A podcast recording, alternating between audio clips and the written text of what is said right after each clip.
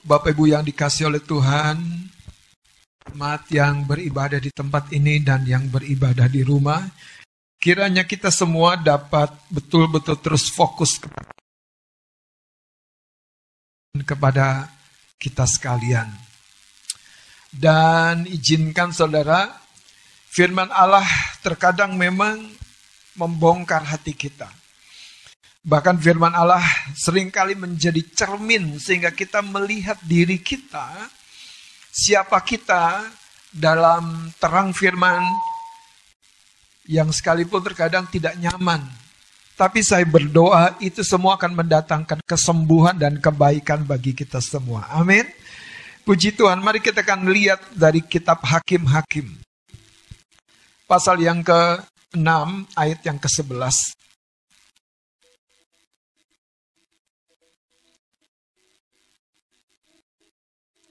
Hakim-hakim pasal yang ke-6 ayat yang ke-11. Kita akan baca sampai ayat yang ke-16. Ini cerita tentang seorang pahlawan iman yang bernama Gideon. Dan Gideon bukan dilahirkan sebagai seorang pahlawan. Gideon bukan dilahirkan sebagai seorang yang punya kemampuan khusus, punya kemampuan luar biasa. Tetapi Alkitab nanti kita temukan dia dicatat sebagai seorang yang meninggalkan sebuah sejarah di masa di mana dia hidup, saudara musuh Israel yaitu bangsa Midian takluk.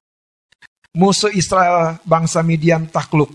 Dan dari sini kita akan melihat bahwa siapa pun engkau hari ini, bahkan siapa pun engkau di belakang, Tuhan terlebih penting untuk membawa kita melihat siapa engkau di depan. Katakan amin. Ya, Mari lihat ayat 11, kita akan baca bergantian. Ayat yang 11 saya akan baca, Bapak Ibu Saudara membaca ayat yang ke-12. Kemudian datanglah malaikat Tuhan dan duduk di bawah pohon tarbantin di Ofra, kepunyaan Yoas, orang Abiesar itu.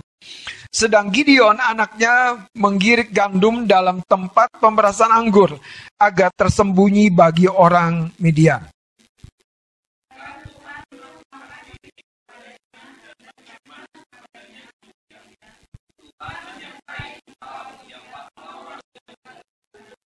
Jawab Gideon kepadanya, "Ah, tuanku, jika Tuhan menyertai kami, mengapa semuanya ini menimpa kami? Di manakah segala perbuatan-perbuatannya yang ajaib yang diceritakan oleh nenek moyang kami kepada kami ketika mereka berkata, Bukankah Tuhan telah menuntun kita keluar dari Mesir? Tetapi sekarang Tuhan membuang kami dan menyerahkan kami ke dalam cengkeraman orang Midian.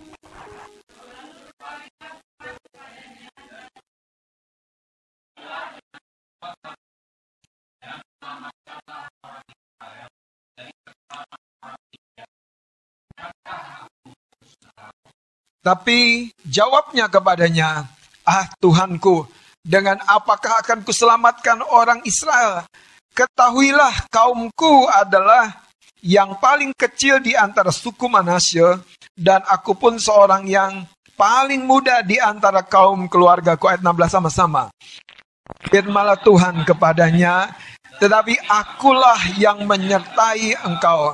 Sebab itu engkau akan memukul kalah orang Midian itu sampai habis. Saudara, pada ayat ke-16 ini, pada ayat yang ke-16 ini, Tuhan berkata begini. Berfirmanlah Tuhan kepadanya, tetapi akulah yang menyertai engkau. Sebab itu engkau akan memukul kalah orang Midian itu sampai habis.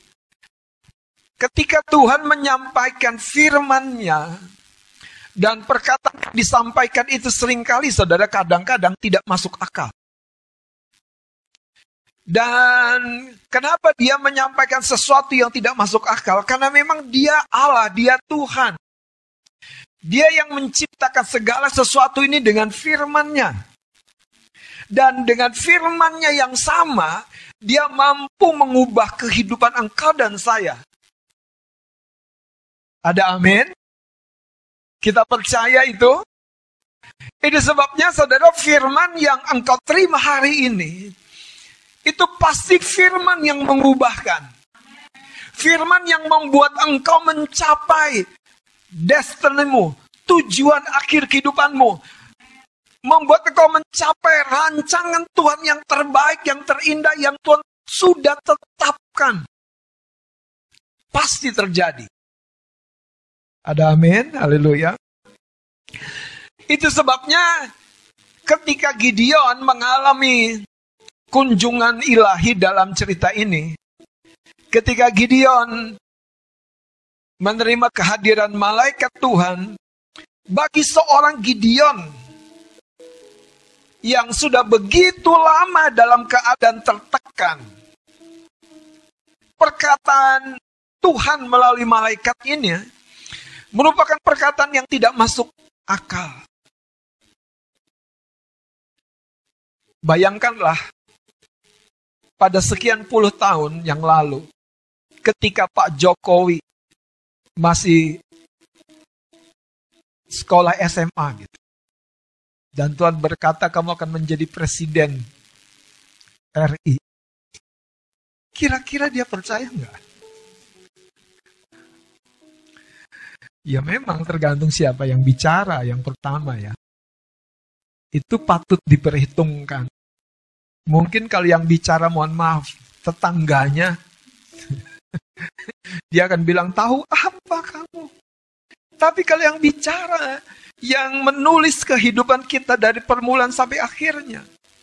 Dia tahu setiap kegagalan, kebangkitan.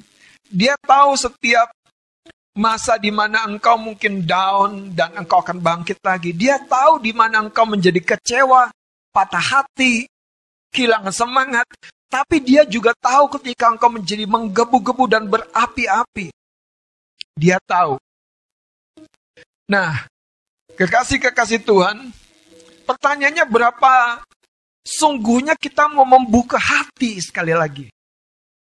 Mau menerima informasi yang sepertinya tidak mungkin ini kita masukkan di dalam pemikiran kita.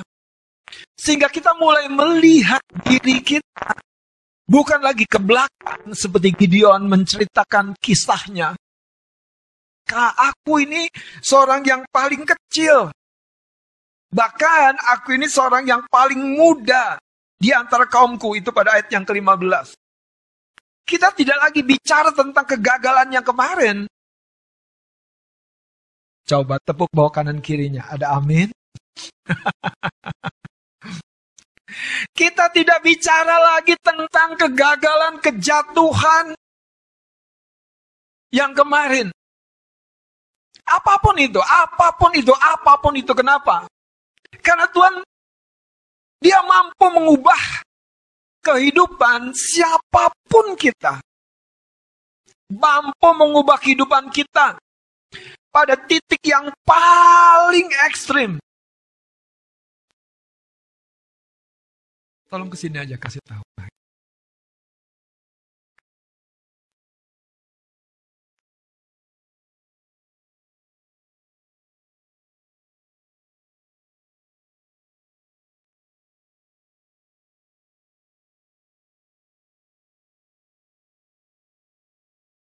Baik, puji Tuhan. Kita lanjutkan.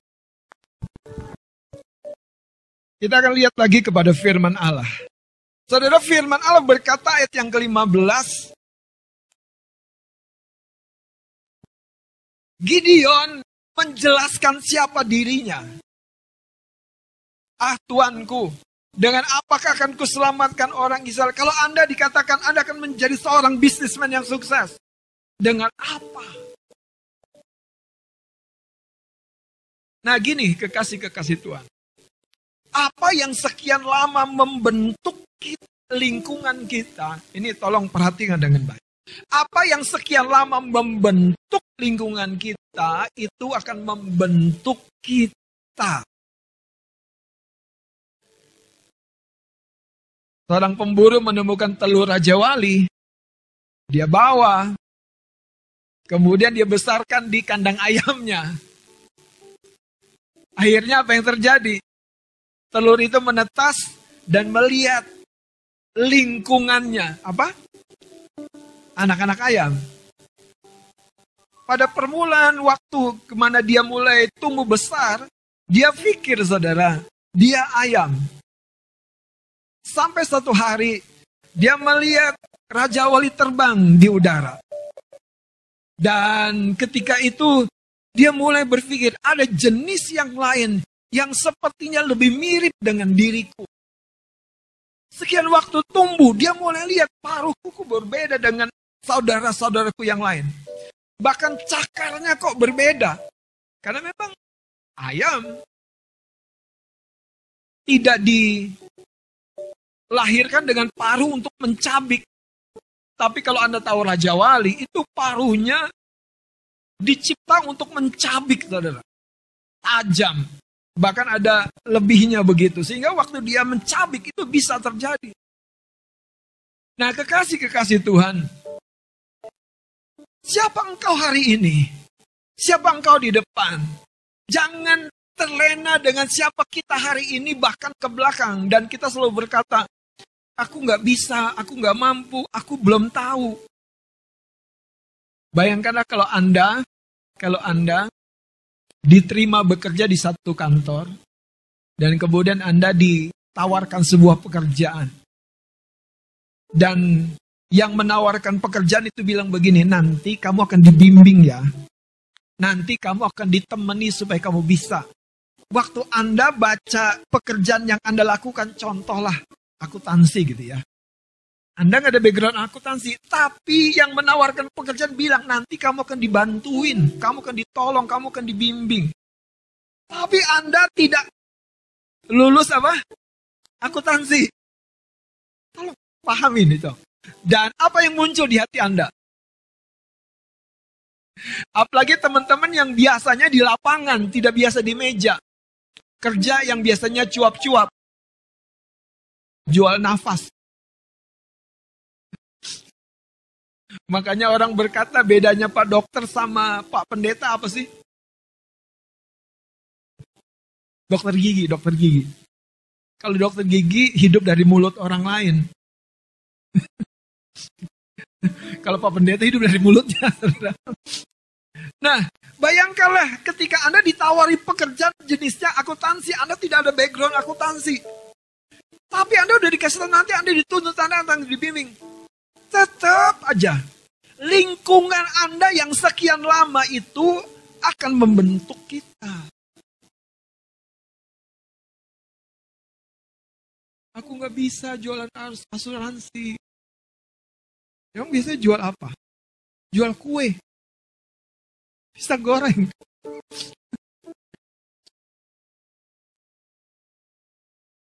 Ada beberapa catatan yang unik seorang ibu yang suaminya seorang pengusaha ketika usaha bisnis suaminya bangkrut dan lain sebagainya. Istrinya yang biasa jadi nyonya. Itu harus bekerja ekstra. Jualan sarapan dan cuci baju di beberapa rumah tangga. Ya pada kali pertama itu sebuah kesulitan besar.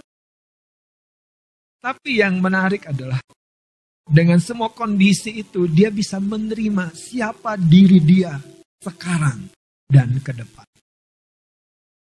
Gideon memiliki masalah yang banyak orang banyak orang alami. Kita lihat sedikit dari Hakim-hakim pasal yang ke-8.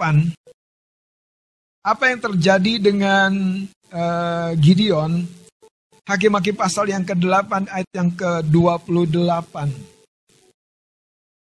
Ayat yang ke-28 kita baca ya. Berhasil tidak hidup Gideon? Tercapai tidak rencana Tuhan dalam hidupnya? Mari lihat ayat 28, kita baca sama-sama ya. Hak yang bikin 8 ayat 28, 2, 3. Demikianlah orang Midian tunduk kepada orang Israel dan tidak Hmm, wow. Maka amanlah negeri itu 40 tahun lamanya pada zaman. Jadi saudara persis seperti yang terencana terjadi dalam kehidupan seorang Gideon. Jangan melihat Gideon sudah jadi Lihat Gideon pada permulaan pertama kali ditemukan oleh Tuhan. Gideon seperti batu kasar yang dibawa kepada seorang yang mengolah batu itu jadi sebuah batu permata, batu indah di cincin di, di tangan seorang. Karena dipoles begitu rupa, begitu indah. Ada beberapa hal yang menarik dalam cerita ini yang kita perlu pelajari, saudara. Seringkali kita berusaha mengalami keajaiban, kuasa Tuhan, pertolongan Tuhan. Kita rindu melihat berkat Tuhan, kita rindu melihat sesuatu terjadi dari Tuhan.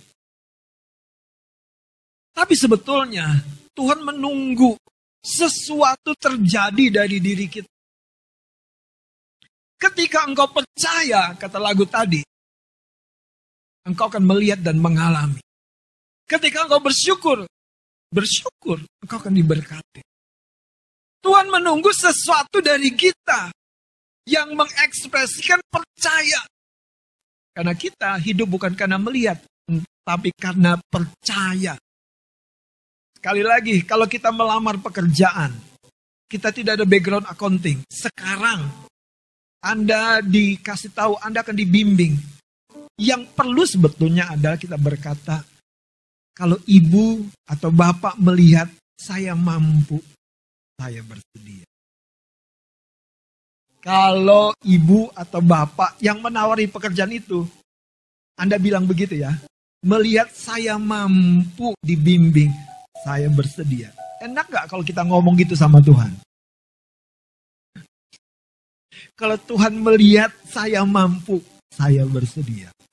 Wah, Tuhan bilang gini, yang begini yang dahsyat. Makin banyak orang yang seperti ini makin luar biasa. Betul, saudara. Karena sering kali masalahnya itu bukan di Tuhan. Bukan di cara Tuhan memberkati kita. Cara Tuhan mengangkat kita. Cara Tuhan mempromosi kita. Tuhan siap, dia punya segala cara, dia mampu. Dia mampu untuk memberkati semua kebutuhanmu yang sekarang, yang kemarin belum terbayar. Yang akan datang, dia mampu, saudara. Dia mampu dan sangat mampu. Itu sebabnya ketika lima roti dan dua ikan buat Filipus, dia berkata apa? Apa artinya? Apa artinya? Apa artinya? Karena lima roti dan dua ikan dibandingkan dengan lima ribu jiwa. Tapi bicara kebutuhan, dia Tuhan yang mengerti seluruh kebutuhan kita.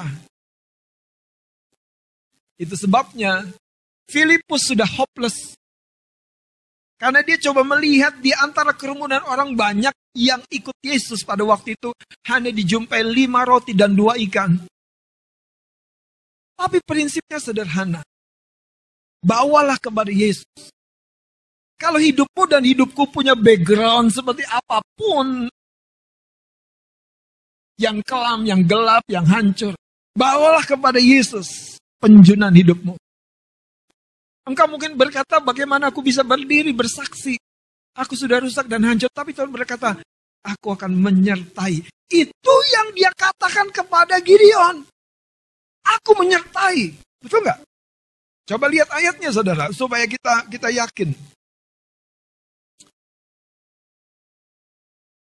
Hakim-hakim pasal yang ke-6.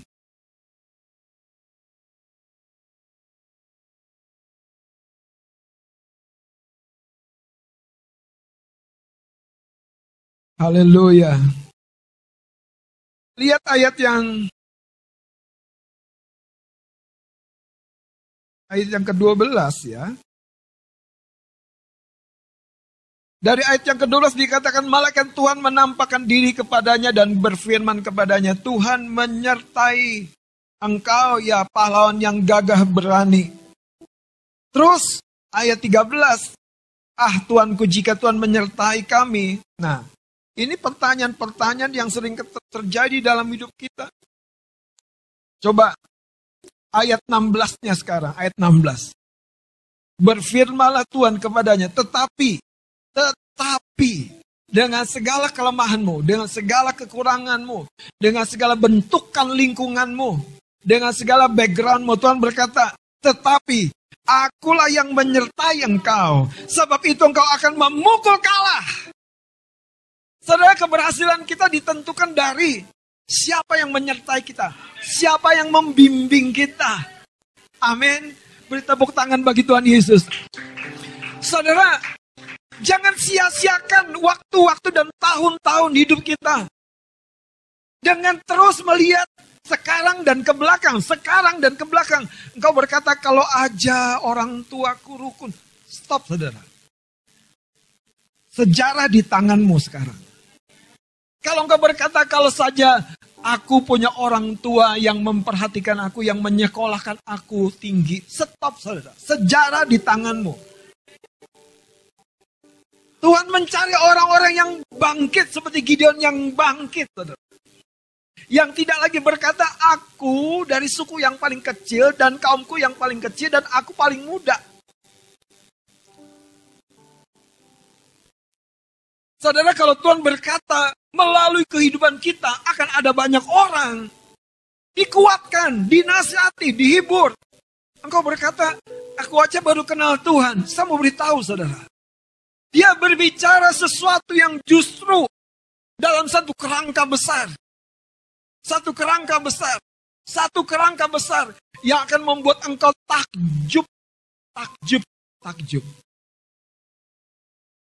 Mari kita akan lihat saudara. Yang pertama kita harus tahu.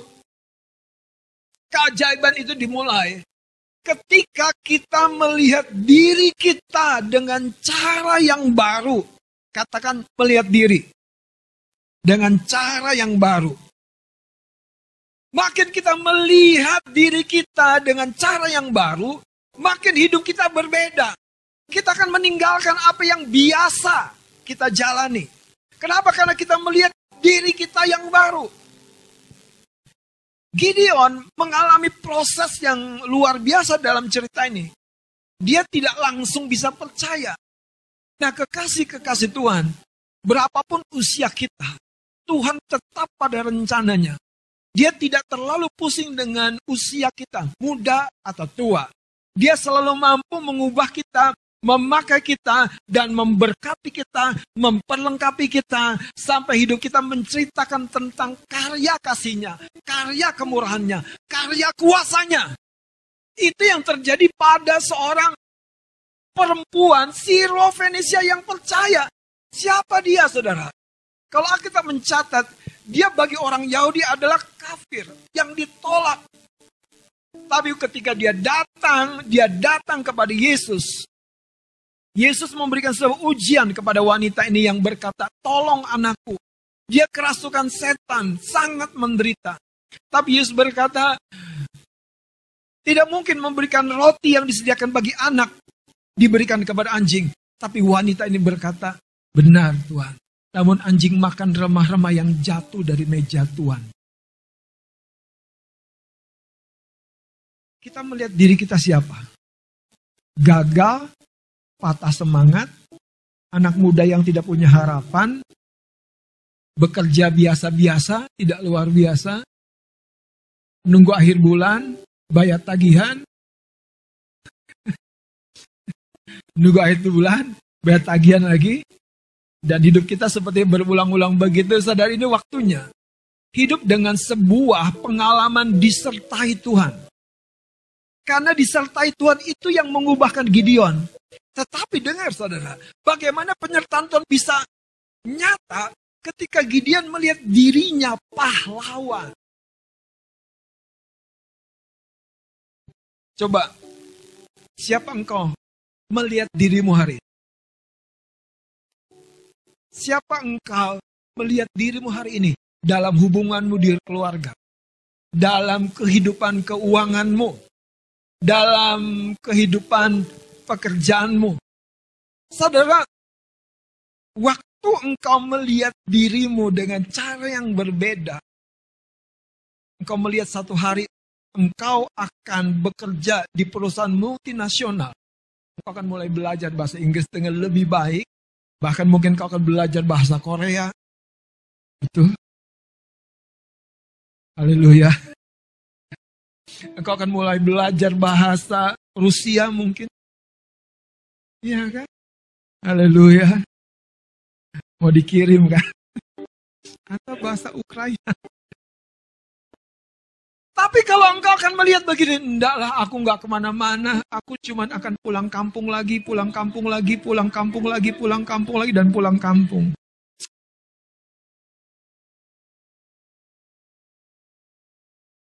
Ada amin? Yang ini nggak amin dong. Saudara, ada istilah orang Batak kalau pulang kampung tuh jangan dengan tangan kosong pulang kampung harus membawa dampak.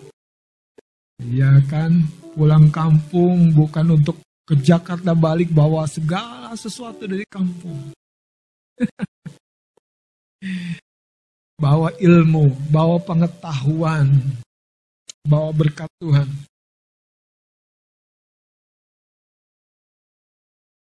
Mari kita lihat bilangan pasal 13.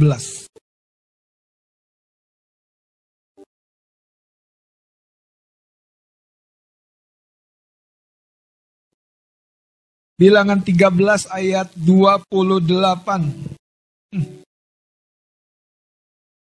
Ini kisah-kisah yang menerangkan kepada kita bahwa cara melihat diri kita itu kalau kita tidak bangun, bahkan yang pertama kita mau apa namanya membuka diri kita. Iya ya, aku kok sering melihat diriku, aku nggak cantik ya. Aku kok sering melihat diriku, Aku nggak pandai. Anda bandingkan sama siapa? Aku nggak bisa masak. Ya bandingannya jangan chef dong. Kalau bandingannya sama master chef, ya Anda memang nggak bisa masak. Namanya apa? Salah. Coba lihat saudara bilangan 13 ayat 28. Baca sama-sama sampai ayat 30. 23.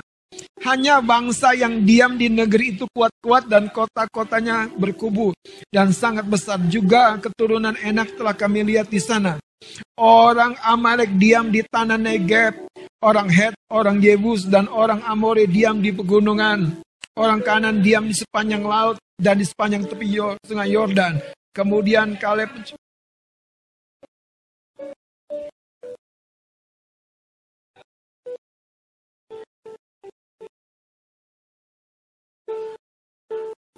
Lihat cara melihat Yosua dan Kaleb beda ya, cara melihat Yosua Kaleb beda. Sekarang saudara, apa jawab orang yang berusaha dikuatkan ini?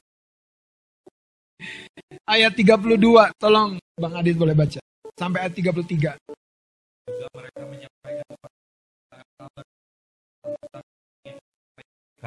dengan berkata, negeri yang telah kami lalui untuk diintai adalah suatu negeri yang memakan penduduknya. Jadi Dan siapa kita menurut lingkungan kita menciptakan cara kita melihat ke masa depan. Siapa kita akibat bentukan lingkungan kita menciptakan cara kita melihat tentang masa depan kita. Kalau engkau mau berubah, rubah lingkunganmu. Kalau lingkunganmu sebetulnya lah yang membentuk siapa dirimu.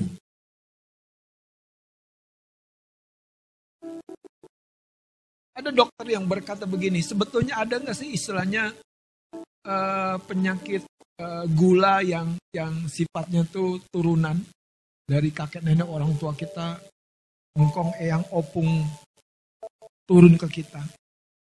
Mungkin iya, tetapi yang menarik dia bilang begini, sebetulnya yang paling penting adalah biasanya yang terwaris itu bukan sekedar sakitnya, tapi cara hidupnya. Karena kita hidup di lingkungan orang yang suka manis, suka gula, kita jadi mengikuti dan terbentuk cara hidup. Dan semua itu menjelaskan kenapa potensi yang sama pada keturunan kita terjadi juga. Lingkungan kita membentuk kita. Saudara, seberapa hebatnya pun kita, kalau kita tidak membangun diri seperti Gideon, menerima perkataan-perkataan firman yang seolah-olah tidak nyambung dengan dirinya sekarang, percayai saja. Percayai saja. Kalau Anda mendengar sesuatu hari ini dalam hatimu, percayai saja saudara. Tuhan merajut masa depan kita. Sehingga ketika kau naik satu langkah, dia memperlengkapi engkau lebih lagi. Naik satu langkah, dia memperlengkapi engkau lebih lagi. Itu yang terjadi dengan Gideon. Sehingga 40 tahun aman pada masa Gideon. Tidak ada bangsa Midian menyerang Israel. Sementara kalau Gideon bercerita, siapa aku dahulu? Aku seorang yang patah. Pada masa Gideon lah, mereka yang menggirik gandum mesin penggirikan gandum atau mesin atau alat untuk merontokkan gandum dari tangkai-tangkainya itu membutuhkan udara. Sehingga yang berisi gandumnya jatuh ke bawah, yang kosong atau jeraminya ditiup angin. Tapi Gideon melakukannya di dalam pemerasan tempat pemerasan anggur di dalam gua. Saya mau beritahu saudara, hari ini kita perlu melihat pada gua, gua seperti apa kita sedang bersembunyi. Kita mungkin sedang bersembunyi pada sebuah gua yang namanya Aku nggak mampu lagi berdiri, aku nggak mampu lagi bermain lebih baik, aku nggak mampu lagi, saudara. Siapa pembalap yang jatuh sekian kali, operasi dan lain, uh, ke rumah sakit dan balap motor lagi? Siapa? Valentino Rossi. Kalau tidak salah ya. Tapi cerita itu menjelaskan ada sebuah keyakinan dalam dirinya. Hari ini, apakah kita masih punya keyakinan itu tentang siapa kita ke depan? Sehingga apa pun kita pada hari yang lalu tidak mematahkan perjalanan rencana Tuhan buat hidup kita. Ayo tepuk bawah kanan kirimu katakan wake up.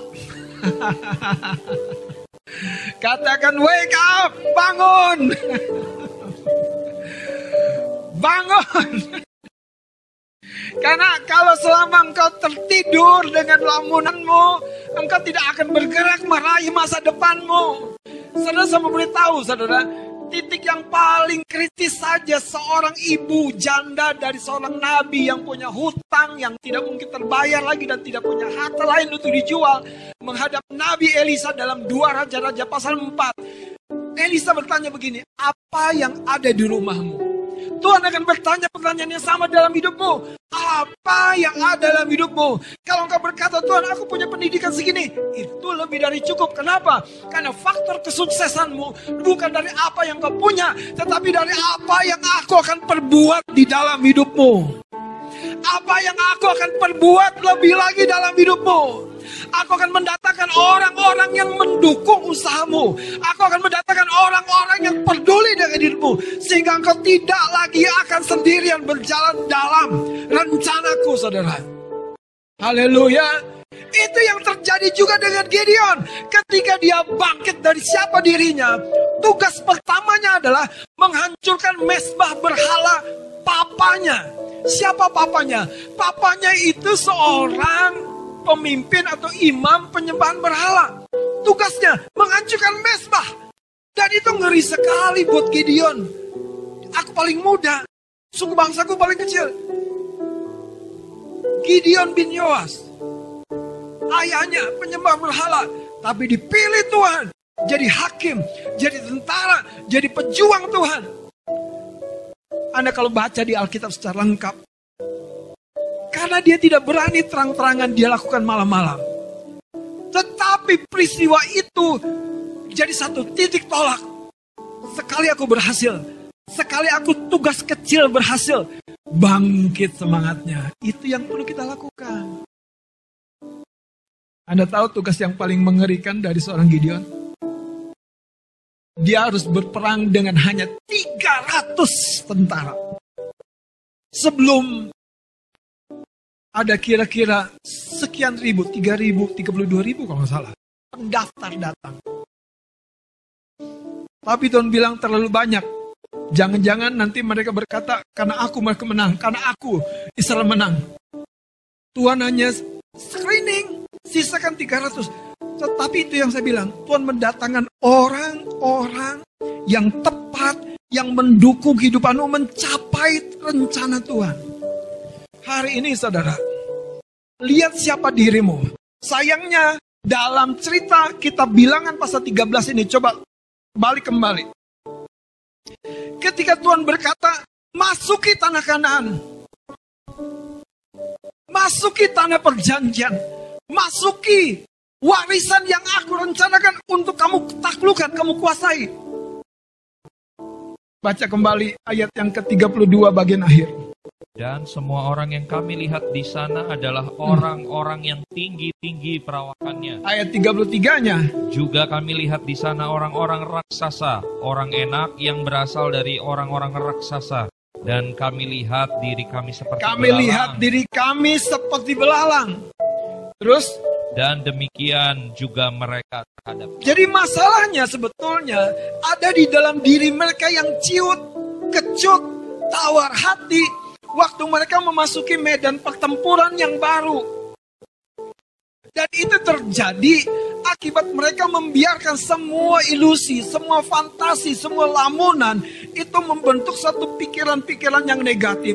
Saya berdoa hari ini engkau mampu menginjak-injak musuh yang namanya imajinasi negatif ilusi yang namanya kosong yang membuat engkau mengembara tidak jelas arah. Pastikan engkau tahu siapa engkau sekarang ke depan. Engkau adalah orang yang dikasih Tuhan. Engkau dipilihnya, engkau diambilnya supaya engkau diberkatinya dan menjadi berkat. Saudara kegagalan satu kali, kegagalan dua kali bukan berarti engkau berhenti berjalan pada rencana Tuhan. Bangkit lagi. Siapa yang mau berkata kalau engkau belajar tentang seorang Daud? Daud jatuh pada sebuah kegagalan yang parah, tapi dia bangkit lagi dan pada akhir hidupnya Daud mencapai apa yang Tuhan rencanakan. Saudara, ketika cara kita melihat hidup kita disentuh, berubah.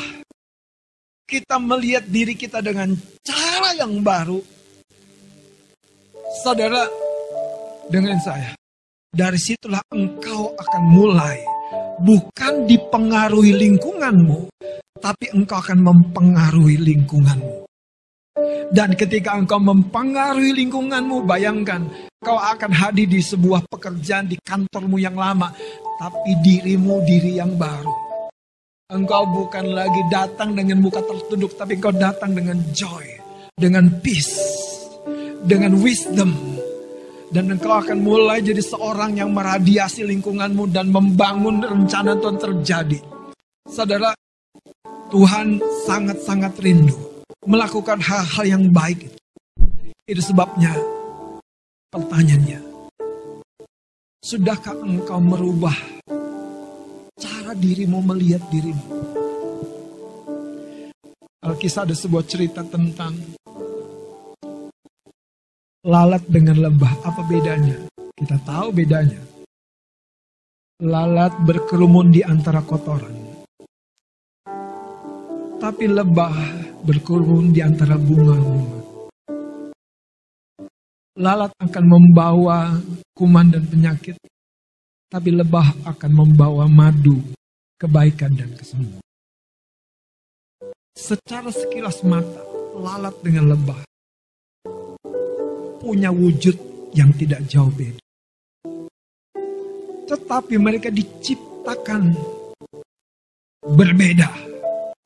Tahukah engkau? Kalau kau bandingkan dengan orang lain, kadang kau berkata, aku gak beda. Aku gak beda. Tapi tahukah, ketika engkau percaya kepada Tuhan Yesus, ada manusia baru di dalam dirimu saya mau tutup dengan ayat ini saudara. 2 Korintus pasal yang kelima. Kita bangkit berdiri.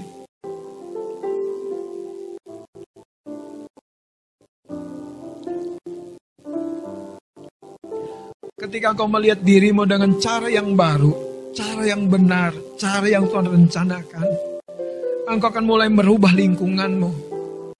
Engkau menjalani hari dengan cara yang berbeda ayat 16 2 Korintus pasal 5 2 Korintus pasal 5 ayat 16 dan 17 akan baca. Sebab itu kami tidak lagi menilai seorang juga pun.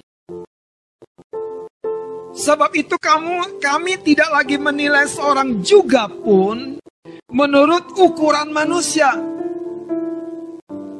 Dan jika kami pernah menilai Kristus menurut ukuran manusia, sekarang kami tidak lagi menilainya demikian.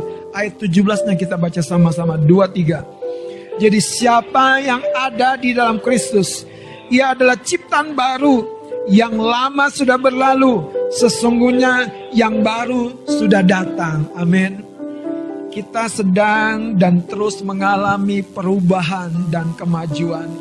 Siapa dirimu di depan itu sangat bright. Cemerlang. Dan itu dimulai ketika engkau mempercayai perkataan Tuhan dan berhenti melihat dirimu seperti Gideon melihat dirinya. Aku kecil, lemah, tidak berdaya. Amin.